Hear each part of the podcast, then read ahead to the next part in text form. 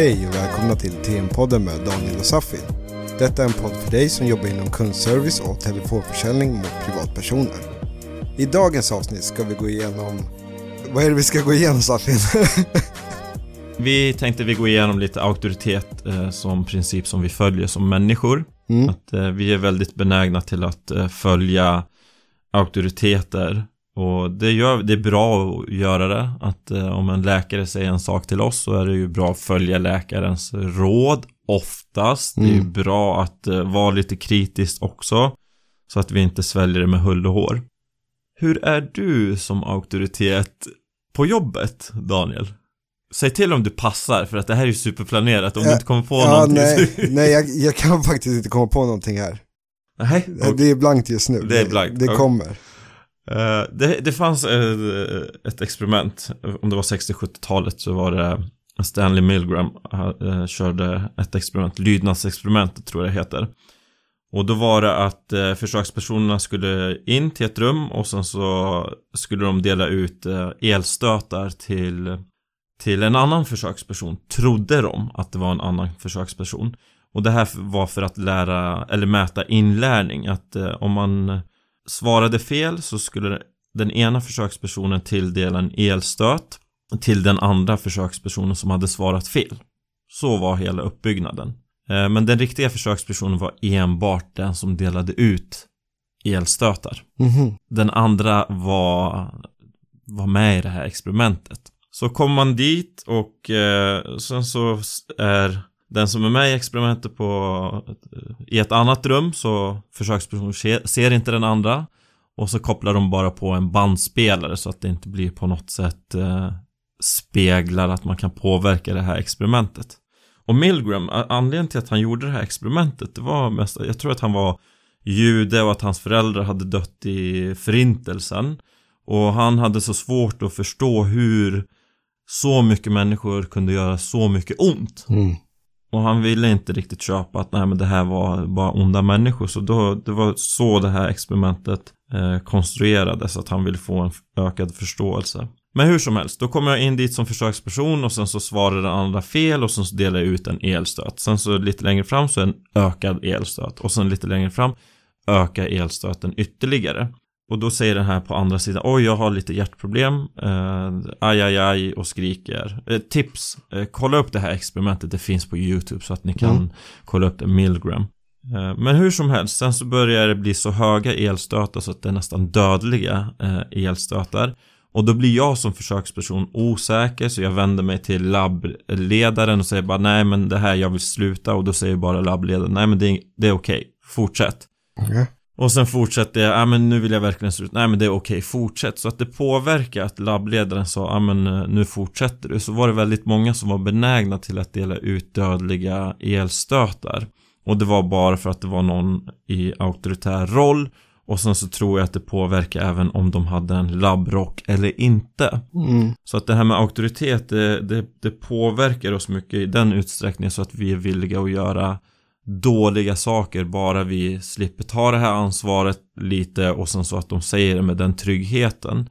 Och det här kan vi ju tänka på att vi skulle ju gladeligen, eller gladeligen, men vi följer ju väldigt lätt om en polis kanske säger ja men gör så här så gör vi det. Är det Mm. några i, i väktarkläder som säger till oss ja men gå på andra sidan så gör vi det utan att reflektera. Ser vi någon vägspärr så, och så, så någon i byggkläder och sen så, så guidar de åt oss åt vänster så reflekterar vi inte riktigt att, utan vi gör det. Och det här är ju enkelt för oss att göra och det är bra att göra så vi är ju det skulle ta på tok för lång tid om vi skulle fundera ut Jaha, men är det här verkligen en riktig vägarbete? Är det här verkligen en riktig väktare? Så det är på gott och ont men det påverkar oss extremt mycket Så har du kommit på någonting nu då? Att hur du är auktoritet? Nej, det är jag. Jag kom bara på massa exempel som jag har hört. Liknande där Ja. exempel, hur långt man kan gå. Det finns ju en performanceartist som heter Marina Abramovic. Mhm. Och hon hade ett performance då där hon stod eh, bara helt i ett galleri. Mm. Eller, och så var det massa saker på bordet. Det var rak eh, knivar, det var pistoler, det var massa grejer. Och det här är ett konstverk då. Mm. Och då var det här var jättelänge sedan, går också att kolla upp på YouTube. Men då är det så här att de först gör de ingenting, först gör de lite lätta saker. Just för att det är själva showen att de ska göra saker med henne. Och sen så tar de det bara längre och längre och längre. Och också att de kände också den här auktoriteten i sig själva genom att göra de här grejerna. Fast det har väl mer med makt att göra kan jag tänka mig där också. Men det höll på att gå skitlångt så det var ju nästan på så att hon höll på att bli dödad där på plats. Av vanliga folk som var där för att titta på konst. Vadå, nu hängde jag inte med. Vad skulle de göra, de som tittade de fick på göra, alltså hela experimentet går ut på att de får göra vad de vill med henne. Att Mhm. hon bara, jag är eran canvas typ. Mhm. Eh, och det börjar med lite lätt att de kanske skrapar så här med ett rakblad på armen typ. Men slutar kanske en timme efter med att det är en kille som står eh, hon, och har tagit upp en pistol så att hon håller pistolen och han försöker känna av med fingret om hon vill, är villig att trycka av tryck, eh, tryckaren eller inte. Och då hoppar eh, han som äger galleriet in och bara nu måste vi stoppa för det här kommer gå för långt liksom. Gud, vad gör man inte för konst då? Ja, verkligen. Ja, men hon tar det till helt andra läng- längder alltså. Men ja, men där tänkte jag lite liknande på det. Att det är okej i det här rummet att göra det och då pushar de, pushar de, pushar de gränserna. Vilket var hennes mål också, visa att ni, jag kan få er att pusha era gränser. Och det var Ja. vanliga människor. Ja, det här är ju så här, hur, hur situationen påverkar oss. Mm. Eh, får mig direkt tänka på det här Stanford Prison Experiment.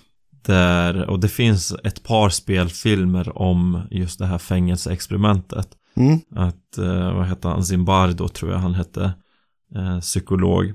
Som gjorde ett experiment där han eh, annonserade ut att jag behöver x antal deltagare. Och där, säg att fem av dem skulle vara fängelsevakter och så skulle tio, säger vi, vara fångar.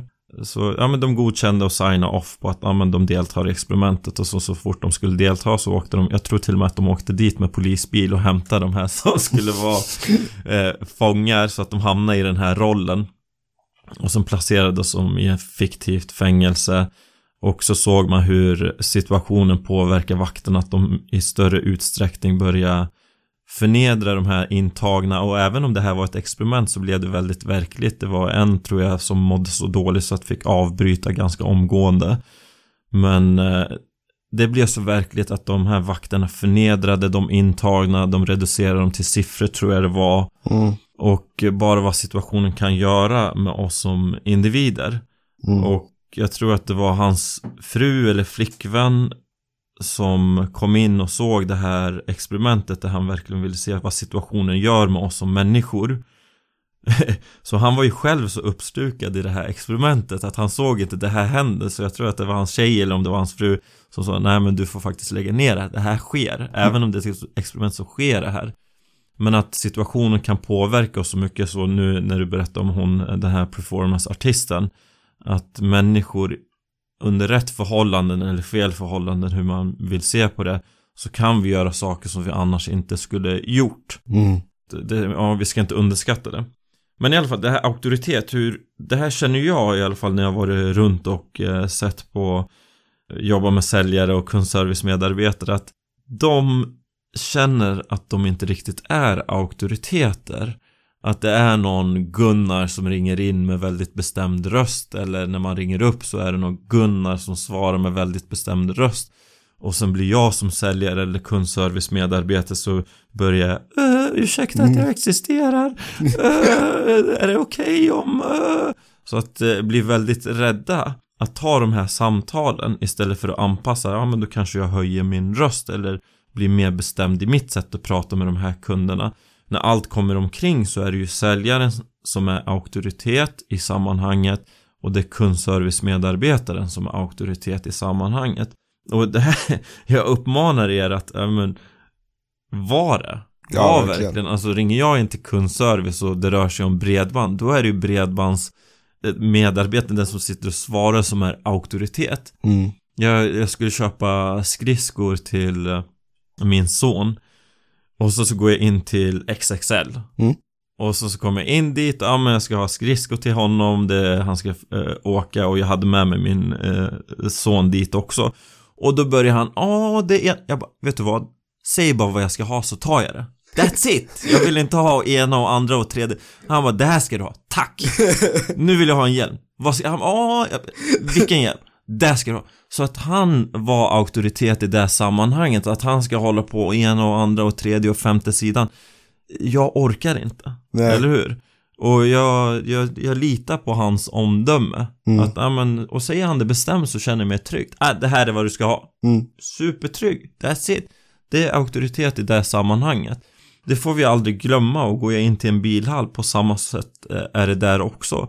Och det spelar ingen roll vem det är som kommer in till bilhallen, hur många företag den personen äger, hur mycket de om, än omsätter. Och så kommer det in i bilhallen. Ja ah, men då är det du som bilsäljare som är auktoritet i det här sammanhanget. Mm. Agera som en sån. Och vill ni ha övningar på vad ni kan göra ute för att bara se hur vi reflexmässigt lyssnar till auktoritära personer så nästa gång ni är på en restaurang och så kommer en servitris eller servitör Säg det med en bestämd röst bara. Sätt dig ner. Jag lovar er att de sätter sig ner.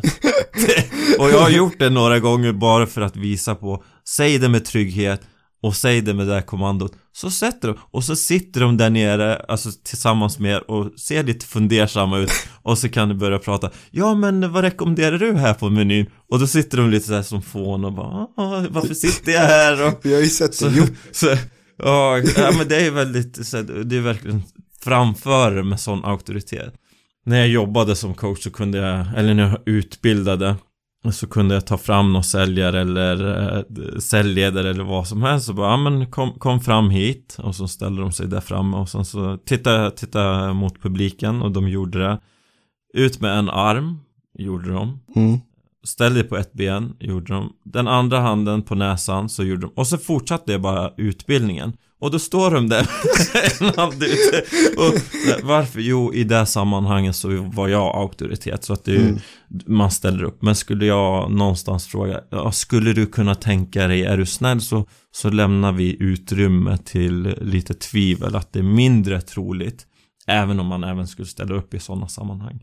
Så att auktoritetsprincipen den, den går att använda och den använder den effektivt och Ja, för, för ni är ju det, alltså är man säljare Ja. så är du auktoritet inom det område som du är i Mm. Har du kommit på någonting nu då? ja, men jag tänker... Eller är det en podd, Saffins podd här? Nej, nu, nu, nu har jag grejer. Nej, men jag tänker, dels eh, som ny coach så är det ju medarbetare som kommer testa din auktoritet. mm, Och då är det skitviktigt att komma ihåg det där med att, ja men, det vanligaste som jag vet till exempel om du ska ha en uppstart, det är väl att folk alltid försöker ställa sig som att de står med dig. mm, Istället för att de ska stå och kolla på dig. Som Mm. att jag kan redan det här så jag behöver inte lyssna utan det är Mm. de som ska lyssna på det. Och då är det viktigt för dig som coach och säga när man ställer med de resterande andra. mm, Och redan där visar du din auktoritet. Men också till exempel när man eh, ringer ut som säljare. Att det kan vara bra tips om du dels känner dig lite nojig och så blir rädd för att veta. Då är det mycket bättre att säga istället för jag tycker att vi tycker. Att, vi, att du tänker på din coach och det du har lärt dig och företaget i sig. Mm. Att vi säger att du helst skulle göra så här. För det, låter, det kan kännas mer som att du har folk bredvid dig som tycker samma sak. Eh, även fast det är bara du som säger det. Till kunderna tänker Ja, du? till kunderna tänker jag. Vi tycker att, Ja, men till exempel, vi gör så här eh, på det här sättet. just det, Istället för att säga, jag tycker att du ska göra så här. just det Så kan det kännas som att det är liksom, det här är det jag lärt mig och det här vi pratar om. Så här, även om du skulle komma till Kalle som sitter två bås bort, skulle han säga samma sak. Just det. Eh, och därav få lite mer mod med dig, liksom, i bara en liten kort mening. Eh, och sen låter det ju bättre också. Vi, till skillnad från jag tycker. Ja, yes Och ja, ja men cool. Ja, och eh, delvis, eller hur? Känner vi oss otrygga så kan vi göra så. Sen samtidigt, om jag tänker efter, skulle jag, om vi tar bilhallsexemplet igen, att jag kom fram till en eh, säljare som säger vi tycker att man ska ta det här. Då tycker jag att det är rent språkligt att det blir distans. Mm, Och att jag får inte det här personliga Samtidigt eh, som skulle den här säljaren säga Jag själv rekommenderar den här starkt. Jag själv kör den här bilen. Mm, Jag rekommenderar starkt den här bilen. Då är det i egenskap av auktoritet. Men sen så har vi det här vi.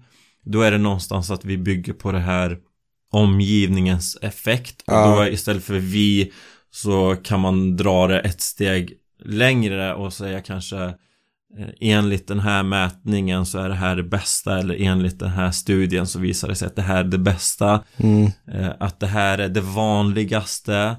Eh, Det här är det våra kunder använder i störst utsträckning. Det här är det mest Så att då kan vi bygga in den principen som vi har pratat om lite. Exakt. Men jag förstår att vi vill göra så ibland att jag känns inte rätt och då säger vi att vi rekommenderar det här och då blir det hela företaget i ryggen. Mm. Eller alla mina Det- det kollegor så att då blir det ändå auktoritet och även att man bygger upp den princip så ja, båda funkar. Det är fingertoppskänsla Och man det- får ja, gå jag på när tror man nästan använder det.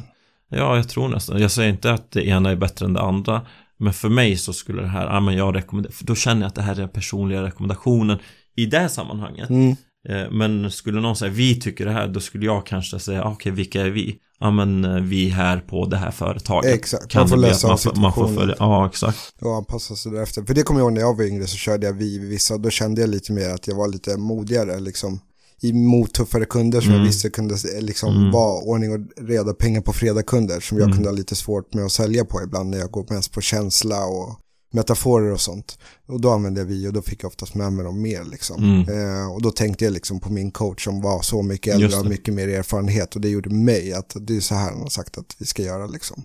Och då funkar det lite bättre. Men det är ju som sagt fingertoppskänslor, du måste läsa av situationen rätt. Ja, testa. Det, det, det är säkert att vi funkar mycket bättre. Mm. Det vet jag inte. Så Ja. att Försök. testa. Och så är det ju inom all typ av försäljning nu när det är, eller kundservice, att vi, vi får så himla, himla mycket tips får vi. Mm. Och då är det, ta det som funkar för dig. Ja, det, exakt. här, det här funkar för mig, det här funkar för Behåll det. Det är ju aldrig att vi ska byta ut någonting som funkar.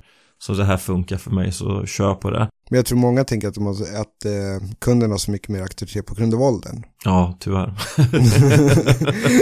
det är väl den största, men de är så gamla och de har gjort så mycket, eller de Mm. har egna företag och bla bla, och ska jag komma och säga vad de ska göra, det är väl det som blir nervöst i sig, Mm. tänker jag. Det är bara släpp det. Med det här resonemanget blir det som att alla som är äldre är så mycket klokare än Mm. alla som är yngre. Och det, det vet nog i princip alla att så är inte fallet. Exakt. Att eh, du kan ha en lärare nu när man kommer upp i åren så kan du ha en lärare som är yngre än dig. Men den läraren är ju mer kompetent inom det ämnesområdet. Mm. Och det är därför du sitter och eh, lyssnar på den läraren. När jag var coach så hade jag en grupp som var, jag tror att jag var runt 25 kanske eller någonting sånt. Mm. Eller 27 kanske jag var och då hade jag en grupp som var, ja men de var över 30 eh, var de försäkringsförmedlare. Och det kände jag i början att, ja men det var en liten utmaning och de eh, kanske såg på mig att jag var mycket yngre, vad vet jag om saker och ting. Så då var det att jag fick bygga upp det här förtroendet, att bygga upp den här auktoriteten, att ja, men jag vet vad jag pratar om när det kommer till försäljning. Mm. Och eh, ofta så kommer det väldigt snabbt när, när resultaten kommer så byggs förtroendet ytterligare. Men det är en sån grej, att man kan känna kanske lite att, ah okej, eh, jag är ung. Och det är en liten uppförsbacke. Eh, men när det kommer till telefonförsäljning och kundservice, alltså då är det inta en roll om det är så. Exakt. Ta det här som du pratade om, eh, något av de första avsnitten, att eh, inta, vara en skådis. Ja. Och då är du, då är du Peter, eh, 40 år. Ja, ja. Och prata som en Peter 40 år. Absolut. 40-åring. Och då, och då tog jag att det fanns något australiensiskt bolag där de de castade sin personal Mm. var det. Att det var skådespelare och skådespelerskor som anlitades. Och det var ju nyttigt för dem också att, ja men nu ska du inta rollen som Daniel har varit coach i 15 år och shoot! Så, Ja, exakt. så körde de sina säljsamtal så att, Ja, men det är det som är fördelen med telemarketing och vara bra kundledare, för då kan du gå in i de där rollerna. ja men verkligen. Det är lite svårare. Jag var Göran. Ja, det var Göran. Nej, men det, det är väl det som är fördelen med telemarketing, just varför jag valde telemarketing, för att man kunde gå in i den där rollen. Och då kan man vinna väldigt mycket på det också. Mm. Så det är väl det. Ehm, vad är mer jag kommer på? Väntar du på att tiden ska gå eller? Nej, jag väntar på att du ska ta över. Ja, men då kan du ställa en fråga istället för Jag ehm, kommer inte på någon fråga Du kommer heller. inte på någon fråga Nej, men hur förberedde du då? Du visste att du skulle ha de här mycket äldre, som du skulle köra eh, utbildning för. Ja Och vad var dina liksom så här? Tänkte du typ på klädseln mer än vad du normalt fall gör? Nu vet jag att du tänker på klädseln mycket, men tänkte du på det ännu mer då när du var yngre Sofie? Om jag var yngre. Ja, kanske undermedvetet.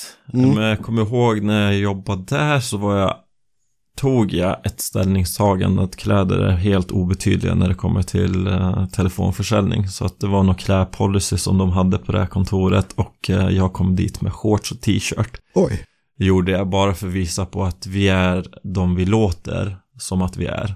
Att jag gjorde en medveten grej av att det är våra röster vi jobbar med, det är språket som vi använder som vi jobbar med, det är våra öron vi jobbar med. Mm. Och då är kläderna obetydliga. Sen samtidigt så är det naturligtvis att eh, våra kläder blir ju lite Kommer jag med mjukis, klär jag mig soft så kanske min röst återspeglar min klädsel. Mm. Att det kanske ligger någonting, och är jag strikt klädd och har en kavaj och sånt så kanske det känns lättare att få fram en sån där impact-röst. Men, men jag jobbade inte så mycket med kläder, gjorde jag inte. Men däremot så gjorde jag mycket övningar med den gruppen kommer jag ihåg. Mm. Att förtroendeövningar, jag kommer ihåg att eh, vi skulle hålla varandra i händerna och gå på stan. Oj. Två och två så som förskolebarn gör. Ja. Och bara för att eh, våga, lite sådana övningar gjorde att, ja men Våga, vad är faran i att gå hand i hand som vuxna individer här på stan? Och alla tittar ju på oss, oj vad är det här för några? Ja. Eh, Och det gjorde oss tryggare, det gjorde oss eh, till en mer tight grupp. Och vi gjorde eh, Det hette då, jag vet inte vad det heter nu, indianen. Så att man skulle höga knän eller vad det var genom kontoret. Det var ett ganska stort kontor så att alla skulle göra, alla tittade på oss, vad är det som händer här? Men mycket övningar gjorde jag med dem som jag inte gjorde med de andra grupperna Ja. Som var yngre, så så Jag Jag, tror jag, jag, vann deras jag förtroende hade en övning som jag gjorde som påminner lite om den, som jag dragit för flera säljare tror jag. Just med att man ska liksom ha ett mål. Och då brukar jag ta det spottkoppen T-centralen, du vet. Den här Mm. ringen där nere där det är som mest alla kommer från höger och vänster. Mm. Nu är det lite lugnare där när de har byggt om, men det var ju alltid rush där liksom. Och då ska man gå, jag som är kort, det är jättesvårt och många korta kommer känna igen sig nu, att när man är kort och de här längre, de går ju så att jag får liksom zigzacka. Alltså går jag på Drottninggatan så är det ju nästan som att jag kör ett så här zigzag-lopp liksom. mm. Eh, för att se upp för folk och visa. Men om jag bara fäster målet och kollar rakt fram, nu pekar jag, men fäster målet, kollar rakt fram och bara går mot det målet skitbestämt, då kommer folk flytta sig för mig, även om jag är kortare. Det blir när jag börjar kolla ner och börjar bli osäker som jag får flytta runt mig och hoppa på ännu värre liksom. Så att det kan vara en bra grej att testa. Mm. Tills man går in i någon. Det brukar jag oftast man går in i någon. Det gick inte, de Nej. ser inte så Men det brukar gå, det brukar fungera. Så det här med auktoritet, det är användbart, är det, man kan använda det på felaktigt sätt naturligtvis och så kan man använda det på bra sätt. Och den här auktoriteten kommer med kompetensen också och har vi inte kompetensen så kan vi säga det med trygghet och då bygger vi en del på att vi har våra manus klara för oss som vi ytterst, ytterst, vi har inte ens någon manus. Det är så idiotiskt att vi håller en podd och säger att det ska vara strukturerat och bra. Ja, jag vet. och så kommer vi hit och sen så blir det, uh, ah, vad ska vi köra nu då? Ja, Eh, så, så det är längst ner på prioriteringslistan och ändå envisas vi med att köra det här.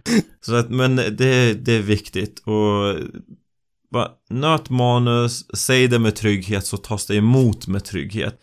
Att köra det här, fylla ut med ö, ö, ö, som Daniel, vi får klippa bort 5011, ni kan få höra ett avsnitt där alla hans ö. Så, så skickar det ju inte direkt signal om auktoritet och vi Nej. behöver inte fylla ut med ö för att tänka utan en tystnad är ju också effektivt under samtalens gång. Att eh, ha, som, om vi tar exemplet att vi är i avslutsläget och har ställt en tydlig fråga som tvingar, eller tvingar som där vi väntar in ett svar från kundens sida, då är tystnaden det mest effektiva. mm. Istället för att fortsätta babbla. Så att auktoritet, do it, vill ni testa det i det sociala livet, gör det, säg det bara med bestämdhet och sen bara kör. Try Ja, men- it, try it. Ja, men plugga produktinformationen för då blir du trygg i det och då kommer du auktoritet med det. Det är när du inte har pluggat nördar in dig i produktinformationen som du börjar ömma. Ja. Och samma som coach, är det så att du står på en uppstart och tappar bort den röda tråden, börja inte freestyle ihop någonting, där binder done that, men då blir det jättedåligt. Och Istället var tyst och tänk igenom, vart var jag? Och snappa upp det och du kan till och med fråga någon, den här supersäljaren som alltid lyssnar till 100%, vart var jag någonstans? Så har den koll och då catchar du upp den här röda tråden igen och på så sätt behåller du din auktoritet istället för att tappa den. Så att eh, det går ut till coacherna där ute också. Ska vi nöja oss här eller? Ja, jag tycker vi nöjer oss här. Vi har ju bjudit ändå på en del stories tycker jag. Ja. Och tycker ni om po- podden, och nu säger jag tidigare avsnitt, här avsnittet, så följ gärna prenumerera på, eh, följ oss på Instagram och prenumerera på podden i Podcaster eller i Spotify eller i Acast. Och släng in, Eller i vadå? Eller i... ja, eller, eller, och ge fem stjärnor om ni tycker det är bra eller bedöm oss. Ah, fiskar, fiskar du efter stjärnor? Tycker ni det är bra, sprid det. Tycker ni inte det är bra, don't. Ja, så att det ska inte vara någon lobbyverksamhet för det här. Jag testar Så- aktiviteten. Vad du? Ja, du testar. Ja, gör det bara. Ja, gör det. på- Nej, Tryck gör fem gör det. Det är så här, och var generösa. Känner ni att ja, men det är bra, det ger er någonting, så var generösa till eh, med kollegor eller någon som ni tycker ja, men det här kan vara någonting för den personen. Mm. Det är inte så mycket att vi ska sitta inne på våra kunskaper. Nej, each one teach one. Each one. Teach one. Ah, bra. Each one, teach one. Shout out till vem? ja, exakt. Nej, jag ska inte börja med köra det sådär. Tack, Tack för att ni lyssnade. Ja, till, till vår femte trogna lyssnare. Ja, exakt. Jag har en lista. Ja, tack, tack för att ni lyssnade. Tack.